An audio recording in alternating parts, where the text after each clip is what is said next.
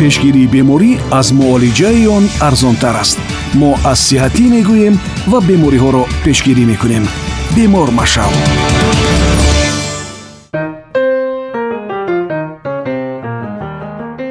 дуруд сомиёни гиромӣ дар нашри имрӯза мо роҷеъ ба ғизои солим ва принсипҳои асосии он суҳбат хоҳем кард ғизои солим қисми ҷудонопазири тарзи ҳаёти солим мебошад ки қоидаҳои асосии онро мебояд аз кӯдакӣ муқаррар кард ва дар давоми ҳаёт риоя намуд. Зеро ҳар чизе ки инсон истеъмол мекунад ба намуди зоҳирӣ ва ҳам рӯҳияи ӯ таъсир мерасонад.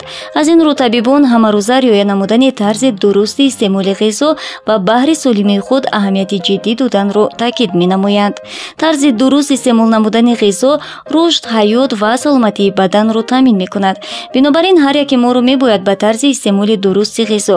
аз ҷумла чӣ гуна истеъмол намудани хӯрок? инчунин дар таркиби хӯроке ки истеъмол менамоем чӣ гуна калорияҳо мавҷуд аст аҳамияти ҷиддӣ бидиҳем мутаассифона вақтҳои охир шумораи одамоне ки аз фарбеҳию зиёдвазнӣ азият мекашанд дар ҳоли афзоиш аст. Мутахассисон бо шандпурхӯрӣ ва зиёд истеъмол намудани хӯрокҳои бирёнӣ ва тестайёрро яке аз сабабҳои асосии он меҳисобанд. Зеро мушоҳидаҳо нишон медиҳад ки аксар вақт модарон сарфи назар аз сину сол ва қаду вазн ба фарзандашон аз меъёр зиёд ғизо медиҳанд ва ё ба онҳо хӯрокҳои тестайёр ва консерваҳоро медиҳанд ки ҳамаи ин дар натиҷа ба солимии онҳо таъсири нохуб мерасонад. Ин нави истеъмоли ғизо дар мактабхонаҳо ва донишҷӯён низ хеле зиёд ба мушоҳида мерасад. Онҳо маъмулан бар ивази хӯроки ошхона бештар чипсу хотдог мехӯранду ба ҷои чой ҷӯшобаи мевагиҳо ва амсоли ин бештар нӯшокиҳои газдор менӯшанд ки ин ба саломатиашон бетаъсир буда наметавонад. Аз ин рӯ ҳар яке моро лозим аст қоидаҳо ва принсипҳои асосии ғизои солимро ки дар сермо онҳоро номбар мекунем донем ва ҳатман риоя намоем бино ба гуфтаи табибон ратсиони шабонарӯзӣ бояд миқдори кофии сафедаҳо равғанҳо карбогидратҳо витаминҳо ва минералҳоро дошта бошад. Миқдори сафеда дар ратсион бояд ба меъёри физиологӣ мувофиқат кунад. Як якуним грамм ба як килограмм вазни бадан.